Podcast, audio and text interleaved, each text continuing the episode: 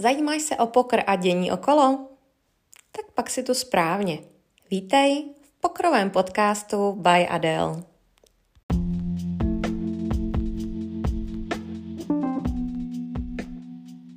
Hezký den, milí pokroví posluchači. Dnes tu vítám uh, Erika Kruntoráda a posloucháte Pokr podcast by Adele. Ahoj Eriku. Ahoj Adele. Ahoj. Erik uh, je taková šedá eminence pokru On je neviděn, neslyšen většinou, ale pokud vy se díváte na nějaké live streamy, tak eh, dost často je to právě jeho práce. Erik je totiž majitelem Spade Poker TV, tak uh, mě strašně zajímá, jak vůbec vznikne nějaká takováhle, um, já si myslím, že i poměrně jako úzce zaměřená společnost, protože já jsem koukala, že vy už jste na trhu 12-13 let, poměrně dlouho. Tak jestli už na začátku byl ten, bylo to zaměření na pokr, případně jestli to mělo nějaké, nějakou širší myšlenku a u toho pokru jste spíš zakotvili. Je to presne 12 rokov, cca. A tá myšlenka vôbec nebola z začiatku jasná nevedeli sme presne, čo chceme robiť, teda ja osobne a vôbec. Ono sa to tým časom nejak vyvinulo a, a menilo a keby sme sa venovali aj produkcii iných vecí, iných eventov. A teraz v poslednom obdobie sme sa vlastne rozhodli, že sa ideme fokusovať čisto na poker a, a chceme sa teda úzko špecifikovať vyslovene na pokrovú, pokrovú industrii. A ono to začalo v podstate po školovaní strednej, pardon, mám telefón, keď som začal robiť krupiera v uh, Bratislavskom jednej pokrovej herni. To som robil asi 3 mesiace a následne na to som začal robiť rozbiehača. Som hrával cash game vlastne s lokálnymi um, hráčmi, kde bol som rozbiehač. A postupne nejak vznikala myšlienka teda s mojim kamarátom Androm Brzačom, že vlastne uh, by sme skúsili aj teda organizovať poker. Takže sme behali po dedinách, kde sme organizovali kešku. A raz sme sa rozhodli, že teda skúsime si kúpiť foťák teda konkrétne na splátky a že si natočíme, natočíme videjko, ktoré si aj sami zostriháme. A vlastne tedy to bolo také, že celkom fungoval Golden Vegas, kde bola taká tá pokrová komunita, celkom to tam fičalo a chalani nám dali možnosť natočiť, mám pocit, že majstrovstva Bratislavy, kde nám za nejakú techniku, ktorú nám kúpili, teda urobili prvú reportáž na YouTube a vtedy sa to nejak rozbehlo a tak sme sa vlastne všetky veci učili úplne um, na novo, nikto sme nič nevedeli ani strihať, ani teda ja konkrétne točiť a nejakým uh, opakovaním a neustálým zlepšovaním sme vlastne teraz tu a sme točili nejaké väčšie už prenosy a tak. Čiže bola to ako keby genéza dlhodobá. Mm-hmm. No a teda ta myšlenka, mm, ty jsi k tomu někdy třeba měl něco, že tě bavilo natáčet, fotit, nevím, nějaký, dělat prostě nějaký takovýhle vizuální věci, kromě toho, že teda si uh, se k tomu dostal vyloženě přes ten pokr, tak uh, tohle je od pokru poměrně ale jako vzdálený. Spíš ty pokroví hráči chtějí být uh, profi hráčema a já nevím co všechno, ale málo koho napadne, že by prostě dělal live streamy a že by to natáčel a tak.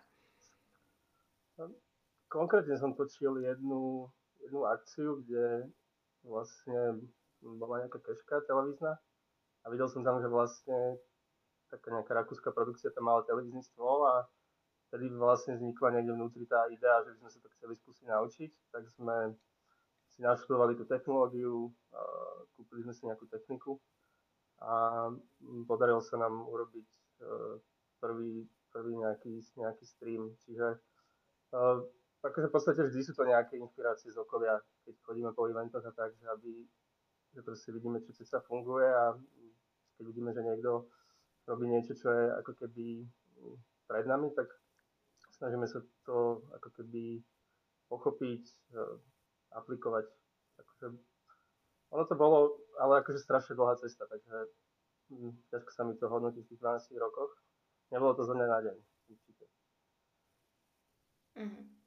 No a Teď jste si myslím už eh, velmi daleko, protože vy teď jezdíte celosvětově, eh, pronajímají, nevím, jestli to tak můžu říct, pronajímají si vás, najímají si vás eh, různé světové, různá světová kasína.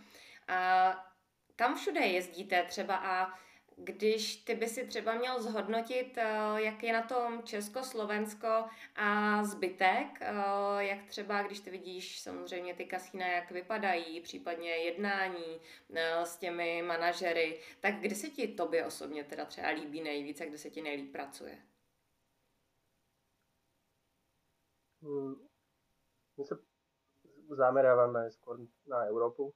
Máme nejaké spolupráce v rámci talianských organizátorov, v Slovinsko, Československo. Nie sme, že úplne svetoví, ale, ale beháme teda kade tade, kade, kade sa dá. A tak teď jste taky na zajímavé destinaci. Teraz konkrétne sme na našom vlastnom evente z Poker Tour, ktoré organizujeme v Liechtensteinsku v Gampine, vlastne druhýkrát. A teda akože začali sme robiť aj teda vlastnú, vlastnú pokrovú túr televíznu a snažíme sa teda vytvoriť tú crew, vytvoriť produkt a, a urobiť teda kvalitní, kvalitní tour. A pokud ty máš potřebu dělat vlastní pokrovou tour, tak viděl jsi, že třeba by ti něco chybělo, nebo proč, proč jste se rozhodli, že budete pořádat vlastní pokrovou tour? V podstate fungujeme eh, v rámci eh, dvoch vecí. Buď koprodukujeme event, alebo teda vieme si organizovať vlastný event. A keďže sa chceme, chceme rozvíjať aj eh, s vlastným produktom, tak sme si povedali, že chceme si urobiť vlastnú, vlastnú, vlastnú túr, ktoré budeme vedieť robiť veci viac televízne, podľa seba, budeme hľadať možno nejaké, nejaké vzorce, ktoré budú fungovať a a ktoré nás posunú dopredu.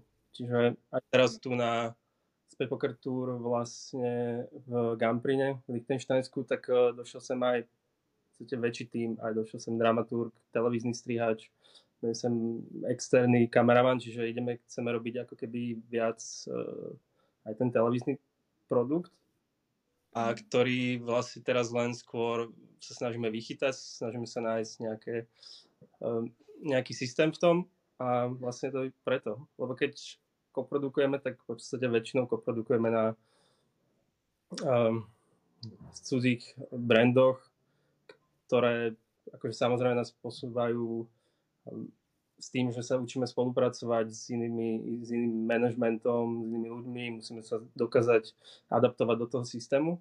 A, ale toto je taká skôr väčšia, väčšia zábava pre nás vieme si to robiť podľa seba a to je to, čo nás teší. A v čem je to jiné teda, pokud to děláte podle sebe, než eh, když tedy jste koprodukce? Um, keď sme koprodukcia a robíme nejaký veľký event, tak je to samozrejme veľká zodpovednosť a je to, je to pre nás aj dosť veľký tlak. V podstate pýtame si za to peniaze a musíme si stáť za tým, za tým produktom, musí to byť dobré, musí to dobre dopadnúť lebo ak to tak vlastne není, tak to môže byť veľký problém.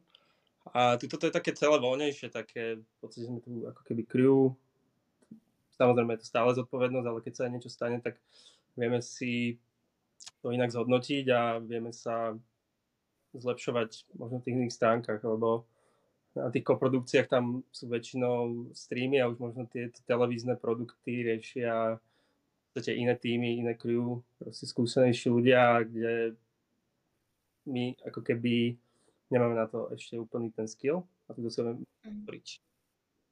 Mm-hmm. A takže výchozím produktem vlastně má být potom nějaká, dejme tomu, poker show pro, pro televize? My, nám sa darí pravidelne v podstate stríhať na Nova Action a daj to naše pokrové streamy, ktoré sú dosť zostrihané na 4 mm, 20 minútové epizódy častokrát, ktoré nakomentovávame s Pavlom Kellnerom Taškom a s Romanom Ferenčikom. Takže v podstate už nejak tej telke jednou nohou sme, ale predsa je to iné, keď to chytí aj profesionálny strihač a dá tam trošku nejaké rozhovory, emócie, zostriha to televízne, tak má to iné grády. A uvidíme sami, že kam sa nám to podarí uh, posunúť.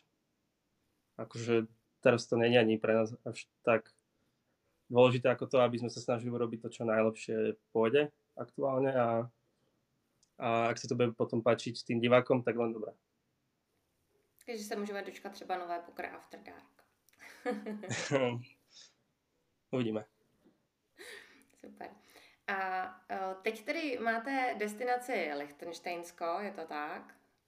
Um, tam máte druhou zastávku vaší pokrové tour. Uh, nutně asi při tomhle tom uh, přichází i nějaké faily.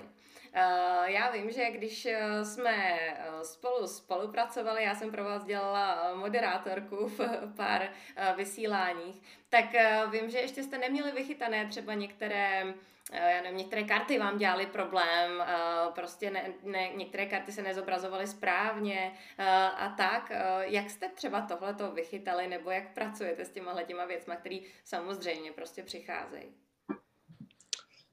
Minulosti sa dialo veľa, veľa, veľa uh, failov, ktoré ako keby nás ale vždy spätne posunuli dopredu. Bolo to veľa, veľa stresujúcich uh, situácií, vtedy som ich prežíval trošku dramatickejšie ako teraz. Ale ono je to aj, že v podstate vieme si dovoliť aj možno kvalitnejšiu technológiu, vieme si dovoliť možno viacej e, balíkov, vieme sa viacej na to pripraviť. Že už proste vedomejšie vieme, čo robíme. Že už to nie je taký uh, pokus, ako keby. Čiže to musíme aj ako keby ďakovať tým partnerom, ktorí dlhé roky s nami spolupracovali, aj napriek tým že failom, ktoré sa udiali, tak e, to nevzdali. A to bolo ako keby kľúčové, že to bolo udržateľné, že sa to mohlo robiť dlhodobo a, a mohli sme sa v tom zlepšovať. A akože bez toho by sme asi nevedeli uh, robiť také veľké produkcie, ako, ako sa nám podarilo v podstate teraz v poslednej dobe. Takže bol to, bol to vývoj. A, a ak, už také tie bežné, že že možno nejaké padnutie internetu alebo nejaké, nejaké ehm, vyslovene, že zle načítané karty, to už sa nám asi nedie. Už možno skôr sú faily v tom, ehm, aby ten výsledok už bol podľa predstav, aby sme vedeli dostať od tých hráčov tú emociu, aby sme vedeli ehm, v podstate to urobiť zrozumiteľne pre tých divákov, aby to v podstate bolo jednotný produkt, či už od úvodnej grafiky až do konca. A to je teraz to, čo sa snažíme skillovať a zlepšovať v tom. Mhm. Takže techniku už máte vychytanou, teď potřebujete, aby ještě hráči zvládali svoji roli. no, dramaturg. Ale... Nemusíš odpovídat. Vy děláte pro ta největší kasína i v Čechách. A teď jenom, když jsme u těch failů, tak já spíš eh, se chci zeptat i na nějaký tvůj pohled. Já jsem tady už eh, rozebírala s předchozím hostem a dokonce jsem tady měla i uh, turnajového ředitele z Kings, kde právě došlo k takové jako zajímavé události. Co mě m, trošku i um, udivilo, tak bylo, že o tom vlastně žádné české pokrové médium nepsalo. Uh, nějak se to podařilo rychle podchytit, ale Spade Poker, vy máte i web, uh, kde právě píšete o těchto těch věcech, tak uh, to tam dal, normálně jste o tom psali, že se to událo, uh, což je mi poměrně sympatický, pokud vy prostě i s King spolupracujete, takže musím říct, že je fajn, že vlastně se nebojíte upozornit na některé ty záležitosti. Jak tohle to vnímáš, nějaký takovýhle střety tím, že vlastně se snažíš upozornit, psát o pokru, eh, asi i mm, samozřejmě tohle to vede k nějakému zlepšování toho prostředí a na druhou stranu, že jsi vlastně ve střetu zájmu, protože jsou to tví zákazníci. Tak my máme nezávislý v podstate redaktorský tým, ktorý si sám vyberá témy, ktoré píše. A samozrejme sa to snaží zhodnotiť eh, nezávislo, pomenovať fakty a, a v podstate to chalania urobili a tam, tam si myslím, že ďalej sa to nejak nerozbialo, už to potom sa e, šírilo skôr tými svetovými médiami a v nejakých podcastoch. A ja som aj počúval vlastne podcast posledný s eh, Frederikom Brunátom, takže som aj počul jeho nejaký, nejaké stanovisko na to. Myslím si, že to zní jako rozumně a samozřejmě vysvětlení doporučuju předchozí epizodu, pokud byste se o tom chtěli dozvědět víc. Takže vysvětlení bylo, eh, si myslím, jako mm, vlastně to nejjednodušší, tak eh, jak to, jak to bývá, vždycky je vysvětlení to nejjednodušší a někdo zatím hledá nějakou senzaci, která tam prostě jako úplně není. Ale uh, spíše na tom hrozně zvláštní, jak se sešlo několik okolností. To znamená, hráči to neviděli, teda aspoň někteří. Uh, produkce vlastně uh, jakoby se ptala dílerky, uh, jak to bylo. Dílerka si nebyla jistá, Florman si nebyl jistý, vlastně ale řekli, že tedy jako to bylo, nebyl split a tedy pozměnili karty. Jak jak si myslíš, že je hrozně těžký, aby se tyhle ty okolnosti sešly do jedné takovýhle, protože mě, to přijde vlastně jako tolik lidí, prostě taková vlastně chyba, že opravdu nikdo na to neupozornil, nevšimnul si a prostě to prošlo.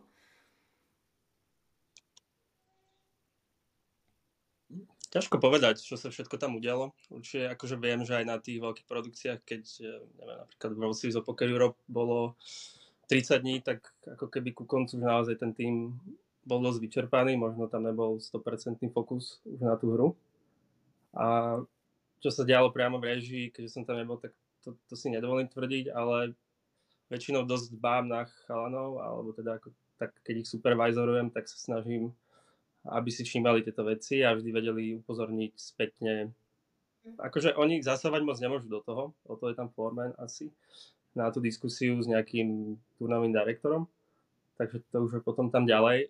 My sme vlastne súčasť tej produkcie a vieme zachytiť tie veci a, a ťažko povedať, no akože myslím si, že uh, chalani tiež, či už Federico alebo celé to vedenie bolo pod tlakom. Podľa mňa s takouto situáciou sa ešte predtým nestretli a, a, a určite im to dá ako keby do budúcna uh, veľkú skúsenosť. Mm, čo viem, tak Frederiko vtedy hovoril v podcaste tvojom, že sa nejak dohodli s tým hráčom, odkomunikovali to asi aj teda ľuďom. Akože čo viem, tak chalani sa snažia robiť kvalitnú robotu, snažia sa vždy robiť, alebo teda strašne tlačili na to, aby sme vlastne všetko mali tip-top. Takže mm, akože viac si to asi nedovolím hodnotiť, že čo sa tam mohlo stať. Akože bolo to určite v rámci týmu, mm, možno nejaký skrát, možno nejaká nepozornosť. A a musí ísť ďalej. Jak ty zvládáš takovýhle tlak? Protože samozřejmě i pro tebe to musí být obrovský tlak, vlastně ukočírovat uh, tolik lidí, ukočírovat to, to všechno, aby uh, všechno jelo tak, tak, jak má. A když vám třeba do toho spadne internet a tak, protože ty působíš jako strašně klidný člověk a nemůžu si představit, že zvýšíš hlas. no, akože na produkciách sa mi to stáva, že že občas vyšítam hlas, alebo som viac pod stresom. Už teraz to viem viacej eh, ovládať a viem viacej korčulovať v tých situáciách, lebo v podstate akože sa viem, kde sa čo deje a vieme to rýchlo odstrániť. Ale akože určite v minulosti to bolo akože dosť, eh, dosť náročné nejakým spôsobom. Ale potom aj to očakávanie od toho klienta, že človek si robí vlastne tú najlepšiu robotu bojí sa, že nejakým spôsobom neuspokojí toho klienta a, a to je ako keby takéto pomyselné v hlave, že si dáva také tie, tie zbytočné stresy. A super je to, že robíme ako keby tým, ktorý sa opakuje, že vlastne chalani už vedia, čo majú robiť. To je, to je v podstate najdôležitejšie a už človek potom sa môže spolahnúť na tých ľudí a môže riešiť potom iné veci, ako rieši úplne každý ten detail, že čo kto má ako urobiť. Takže to je to, že vlastne dlhodobo spolupracujeme s chalanmi, zladili sme sa a to je to, je to asi najkľúčovejšie, aby sme vedeli robiť v kľude ten prenos a tešilo nás to. Hmm. Jak se teď různí potřeby klientů? Protože asi běžně mm, samozřejmě jde o to kvalitně to uh, natočit, uh, aby byl prostě kvalitní výstup, ale každé kasíno o tom má asi nějakou jinou představu. Jak se různí tyhle ty představy? Tak častokrát sú to subjektívne pohľady jednotlivých manažerov a, a, ako keby, a v podstate aj aj častokrát sa pracuje na tých menších, menších nejakých, ani aj menších eventoch, ale napríklad zahraničných kasinách, že nerobí sa nejaká scéna. Konkrétne sa pracuje sa s tým, čo tam, čo tam je. A snažíme sa tvoriť na mieste tie veci, akože samozrejme nie v Kings Casine alebo e, na EPT, EPT Praha, ale, ale ako keby na takých tých menších eventoch. Čiže moc e, sa neinvestuje úplne do tej scény. Takže Takže ani tie očakávania, ako keby klienti hlavne chcú, aby to bolo teda bezproblémové, prebehalo to plynulo, bolo to v podstate v viacerých jazykoch častokrát a akože malo to nejaký štandard, e, ale vyslovene, že by nejaké špeciálne požiadavky, hm, a to asi, to asi nie. Nejaký štandard máme, máme nastavený nejaký základný setup, ktorý používame, takže ono to tým klientom vyhovuje a, a vieme byť mobilní, vieme vycestovať aj do v podstate vzdialenejších destinácií 90 hodín a vieme sa rýchlo pripraviť, e, takže pre nich je to, že majú kvalitný produkt za dobré peniaze a to je asi kľúčové. A když točíte pokr, tak samozřejmě tam jsou hlavními protagonisty pokroví hráči. Eh, máš z toho třeba nějaký zajímavý zážitky, protože pokroví hráči se projevují samozřejmě eh, různě, eh, ať se jedná o radost nebo naštvání. Tak máš z tohohle nějaký jako zajímavý zážitky, třeba jestli ti někdo utkvěl v hlavě? Vždy sme radi, keď tí hráči prejavujú emócie častokrát tie kamery ich dajú do takej ulity, že skôr sú ticho alebo sústredia sa na tú hru. A vždy, keď príde niekto, kto vie sa tak uvoľniť na tom stole, tak je to len super pre tých divákov a, a z toho sa tešíme. Mm, v septembri na Späť Poker Tour sme mali víťaza High ktorý e, v podstate vyhral turnaj, urobil nejaký veľký, veľký otoč, už mal strašne málo a otočil to na víťazstvo a ešte sa mu aj narodilo dieťa, takže on sa tam tešil, bol úplne sám bez seba. A to, bola, to bol super ako keby moment, že sme to vedeli aj zachytiť na tie kamery, vedeli sme si urobiť rozhovor. A teraz na nedávnom nejakom talianskom streame hrať vyhral a ako keby začal, začal plakať od radosti a to bolo tiež ako keby že ten, to videnie toho, že tá nejaká zmena v jeho živote asi prebehne v tom momente, tak to je také, také pekné, no. ale, ale ako nič nejaké, na tom televíznom stole sa dosť tí hráči častokrát uh, kontrolujú a ako keby je to ťažké sa dokázať uvoľniť a, a predsa ako keby tak už sa hrá o nejaké väčšie peniaze a, a, a každý je rôzny, no, takže tak. Mhm.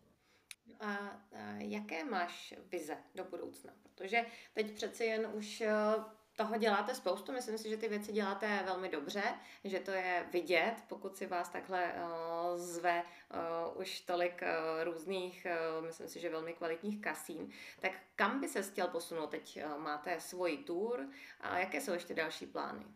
My aktuálne redesignujeme kompletne našu stránku webovú a uh, ideme sa zamerať na, na nemecký hovoriaci trh. Chceli sme teda rozbehnúť späť poker uh, v týchto krajinách. Ešte to nemáme presne dané, ale chceme ísť s týmto smerom. A možno by sme chceli, lebo keďže sme sa dosť venovali tým streamom, tak sme trošku zanedbali ten redaktorský obsah. A chceli by sme možno ho trochu späť skvalitniť, uh, urobiť ho vo väčšom množstve. A a, a uvidíme, no. A, a samozrejme, že tu máme ako keby vo viacerých, uh, viacerých frontoch rozbehnuté, teda podariť nejakého obdobia, aby sa nám podarilo uh, nájsť dobré, dobré destinácie pre našu túr, aby sme teda dobre vedeli redizajnovať ten web a možno teda sa nám podarilo rozbehnúť ten nemecký trh. Ale sami uvidíme, ako keby nedávame si nejaké nejaké nereálne, nemáme nejaké nereálne očakávania. Ono to bude plynúť ako keby podľa mňa veľmi, nás to smerovať samých. My častokrát sa musíme veľmi agilne prispôsobovať tej situácii a, a keďže sme ako keby malá firma, a proste ťažko sa porovnáva s tými veľkými produkciami, ktoré majú úplne na to budžety. Takže, neviem, ideme do toho skromne a ideme robiť tú robotu, čo robíme a budeme sa snažiť e, robiť lepšie a lepšie a uvidíme, kam nás to dostane. Kolik lidí teď zaměstnáváš? Tak akože my vyslovene fungujeme skôr od eventov a väčšinou na pokrových streamoch. Uh, takých tých jednoduchších je 5 ľudí a v podstate na väčšom evente už sa pohybujeme okolo, okolo 12 ľudí a na každú krajinu vlastne, čo píšeme, tak máme jedného redaktora. Takže ono, je to individuálne. Skôr sa to prispôsobuje od nejakého volume, nejaké roboty a podľa toho sa snažíme keby uh, pridávať nových členov do týmu. Mhm. Mě hrozně zajímá a vždycky zajímalo pozadí nějaké právě pokrové tour. Nevím, jestli to můžeš prozradit, případně mi řekne, že třeba ne.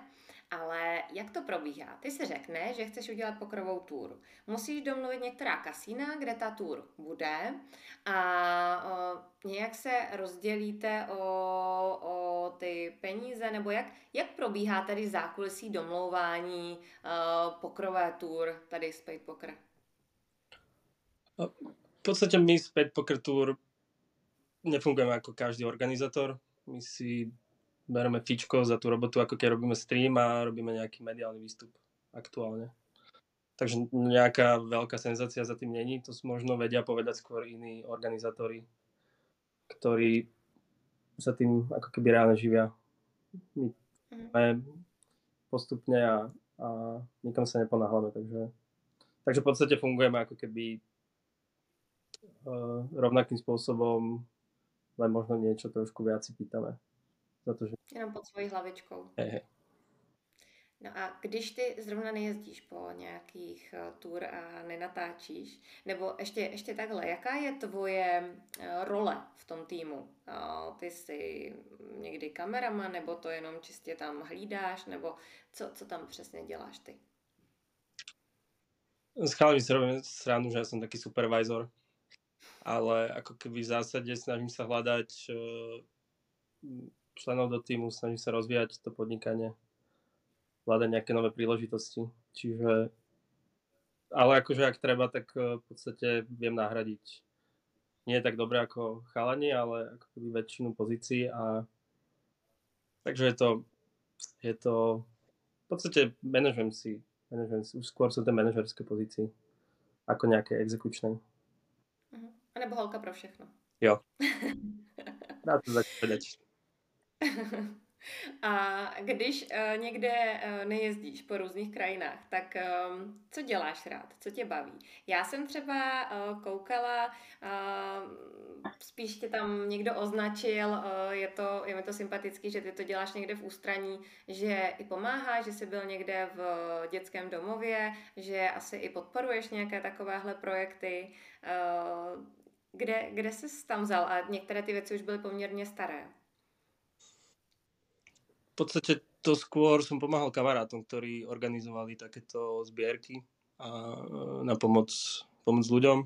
A konkrétne kamarát robil stále každý rok dražbu stromov a my sme tam zabezpečovali nejaké videoslužby. Takže, takže tak som sa tam dostal. Akože nejaká vyslovene úplne, že moja iniciatíva to nebola, ale, ale bol som o to poprosený, tak keď bol na to priestor, tak som rád to prijal. A co tvé soukromí? Jak ty to máš zařízené? Protože to bude asi hodně ježdění všude možně. Um, um, asi je to poměrně náročné, jako samozřejmě časově. Tak jak ty se bavíš soukromně a jak, jak funguješ? No keďže teraz e, za veľmi krátke obdobie sme, sa nám podarili dva prírazky. Dvoch synov malých.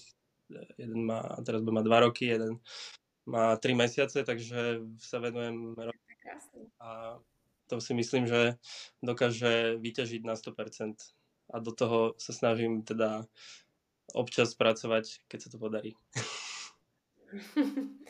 To musí být složitý. Já právě mám taky tady a, přírůstek a už teda nějakou dobu a občas je to možná i tady v podcastu slyšet. Naštěstí děti do kasína nemůžou, takže to máš možná výhodu ty. Hej, hej. Konkrétne cez, uh, vlastne čo sme dostali uh, tú prácu robiť koprodukciu na of Poker Europe, čo bol 20-dňový event, tak konkrétne cez uh, ten event sa mi vlastne narodil druhý syn. Takže to bolo celkom také, že, že to bolo do záhulu.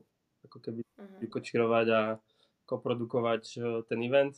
V podstate to bola zatiaľ ako keby najväčšia zodpovednosť, ktorú sme mali a do toho ukočírovať všetko doma, aby to dobre dopadlo, takže eh, čo našťastie dobre dopadlo, takže to sa teším a, a tak to je taká skôr ako keby, ale akože myslím si, že to je presne to sú tie situácie, ktoré sú tak na hrane a dokážu toho človeka posunúť ďalej, či už hlavou alebo nejakými skúsenosťami.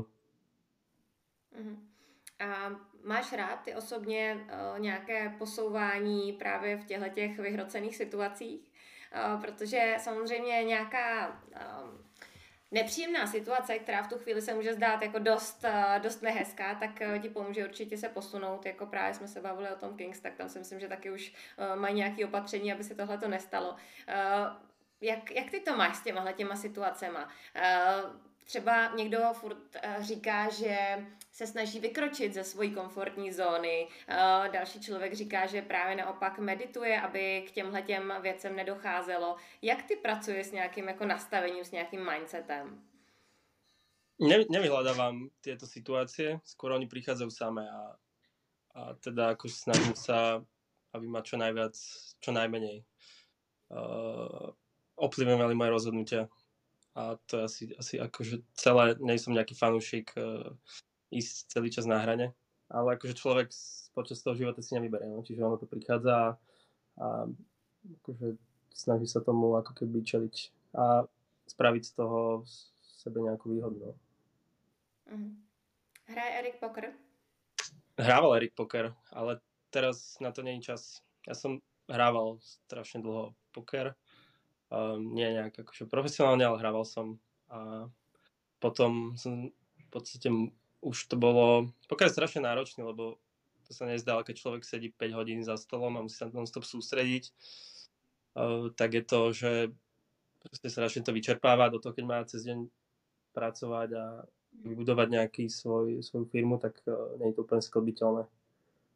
Takže teraz aktuálne nie, ale určite nejaké ako keby v blízkej dobe uh, plánujem si ísť možno niekde, niekde zahrať. Uvidím, ako sa to podarí. Já jsem četla článek, tuším, že byl i od tebe. A byl o tom, že i na online pokoru se e, dají pochytit nějaké tely. Teď nevím, je to poměrně starý článek, nevím, jestli si, jestli si na to vzpomínáš. A zaujalo mě to. Tak jaký tely člověk dokáže pochytit z online pokoru?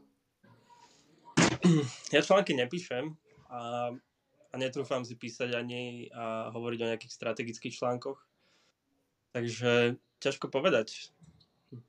A to, to, to, to není moc môj, moja stránka. Nebyl tebe. Já jsem měla pocit, že právě tam byl, byl tvůj podpis, tak jsem se tě na to chtěla zeptat, že mě to zaujalo.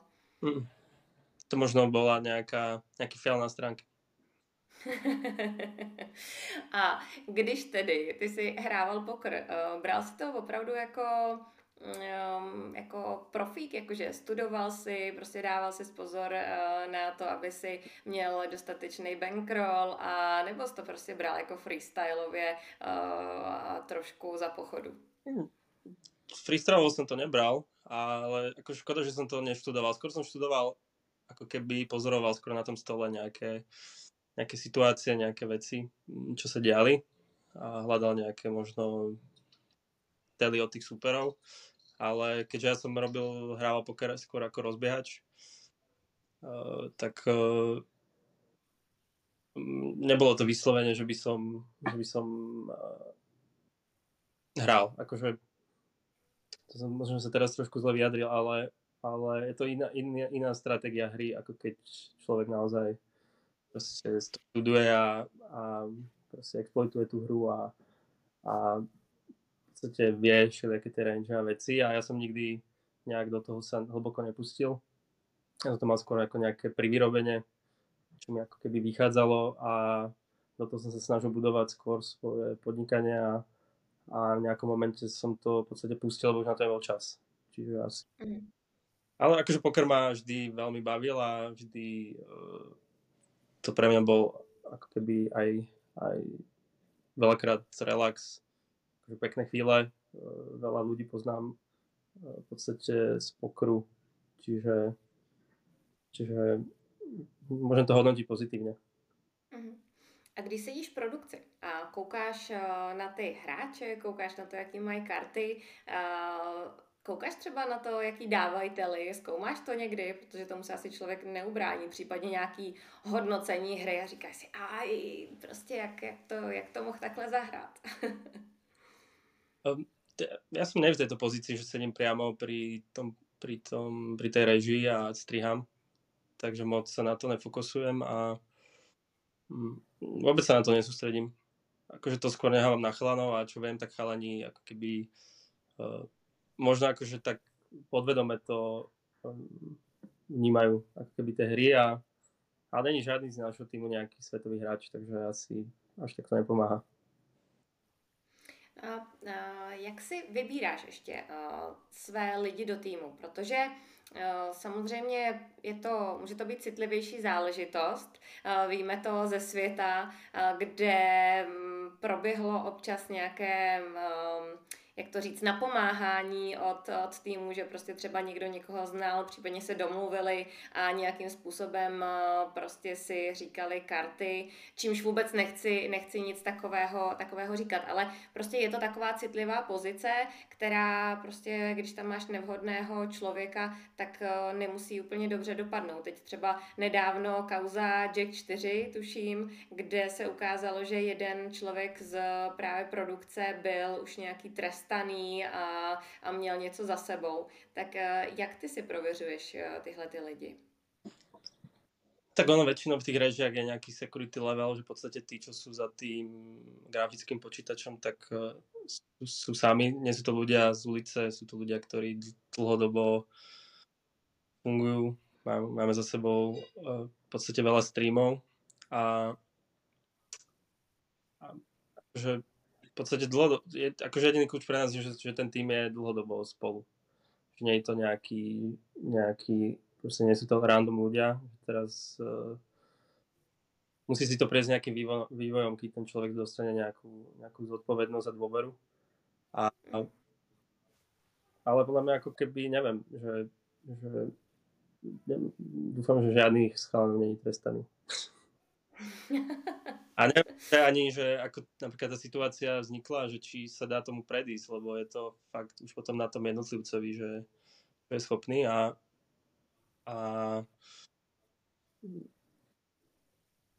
ťažko, ťažko povedať. Jaké byly tvoje nejlepší a nejoblíbenější karty, když jsi hrál poker? Esa. tak to seš ale málo, kdo to mi snad neřekl ještě nikdo. Většinou. Když, když učím, tak vždycky mi tam přijde nějaký žák a říká, já ty se tak nesnáším, já furt prohrávám. a když uh, si tedy byl uh, v roli toho hráče a říkal si že si hrál, hrál kešku, a co si třeba zkoumal? Ty jsi říkal, že jsi zkoumal hodně hráče za stolem. Na co si třeba koukal? Měl jsi něco, protože mně se třeba osvědčilo, že když vidím Eh, rychlost uh, sázení, což samozřejmě ty dobří hráči už se na to dávají pozor, ale když vidím rychlost sázení, uh, tak si z toho něco odvodím. Je něco, co si třeba ty sledoval konkrétně, nějaké takovéhle konkrétní tely?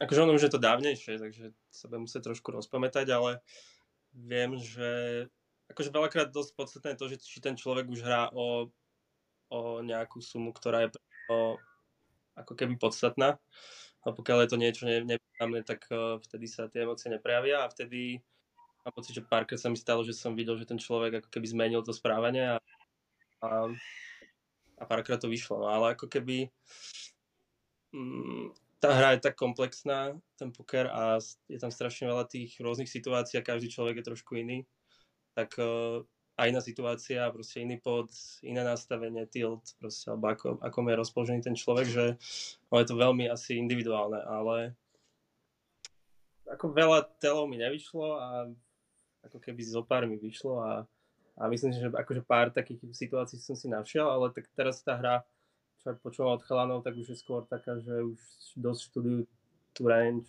v podstate tie situácie, sú tie spoilery a už v podstate už vedia ísť naozaj do hĺbky, takže už je to možno aj čo inom teraz. Neviem, ťažko povedať. Keďže sa tomu už nevenujem a fakt som dlho nehral poker, tak je to skôr také, taký môj subjektívny pohľad, ale, ale hej, no čo som povedal, že dosť som si sledoval, že či tá situácia už ako keby vie ovplyvniť toho človeka, či už je to pre neho nejaká dôležitá situácia a či sa nejakým spôsobom zmenilo to správanie. A to častokrát ako keby v tých väčších potok, potok, člo, potok človek, keď to nebol skúsený hráč, vedel ako keby vyčítať, uh, ako je na to. Mhm. Super. Děkuji moc Eriku za rozhovor. Já jsem se hrozně ráda dozvěděla něco z pozadí uh, pana Kolomba, protože vy jste prostě taková, taková šedá eminence, jak jsem říkala na úvod a mm, doufám, že se brzy potkáme zase na nějakém vašem eventu. Měj se hezky a jsem ráda, že jsi nechal přesvědčit k tomu, protože to nebylo úplně jednoduché tě přesvědčit k rozhovoru. Jednoduché to nebolo a, a akože som rád, že som to absolvoval, tak je to predsa také videnie z tej komfortnej zóny. A určite ti chcem popriať, nech ti tvoj podcast teda rastie, nech máš svojich podporovateľov aj možno z nejakých marketingových oddelení pokrových. To len není uh, um, for free a držím ti palce a snad budeš uh, moderovať nejaký možno event, nejaký stream alebo niečo podobné. Tak uvidíme, jestli zase já se překročím svoji komfortní zónu. Děkuji a měj se hezky. Pozdravujem. Ahoj.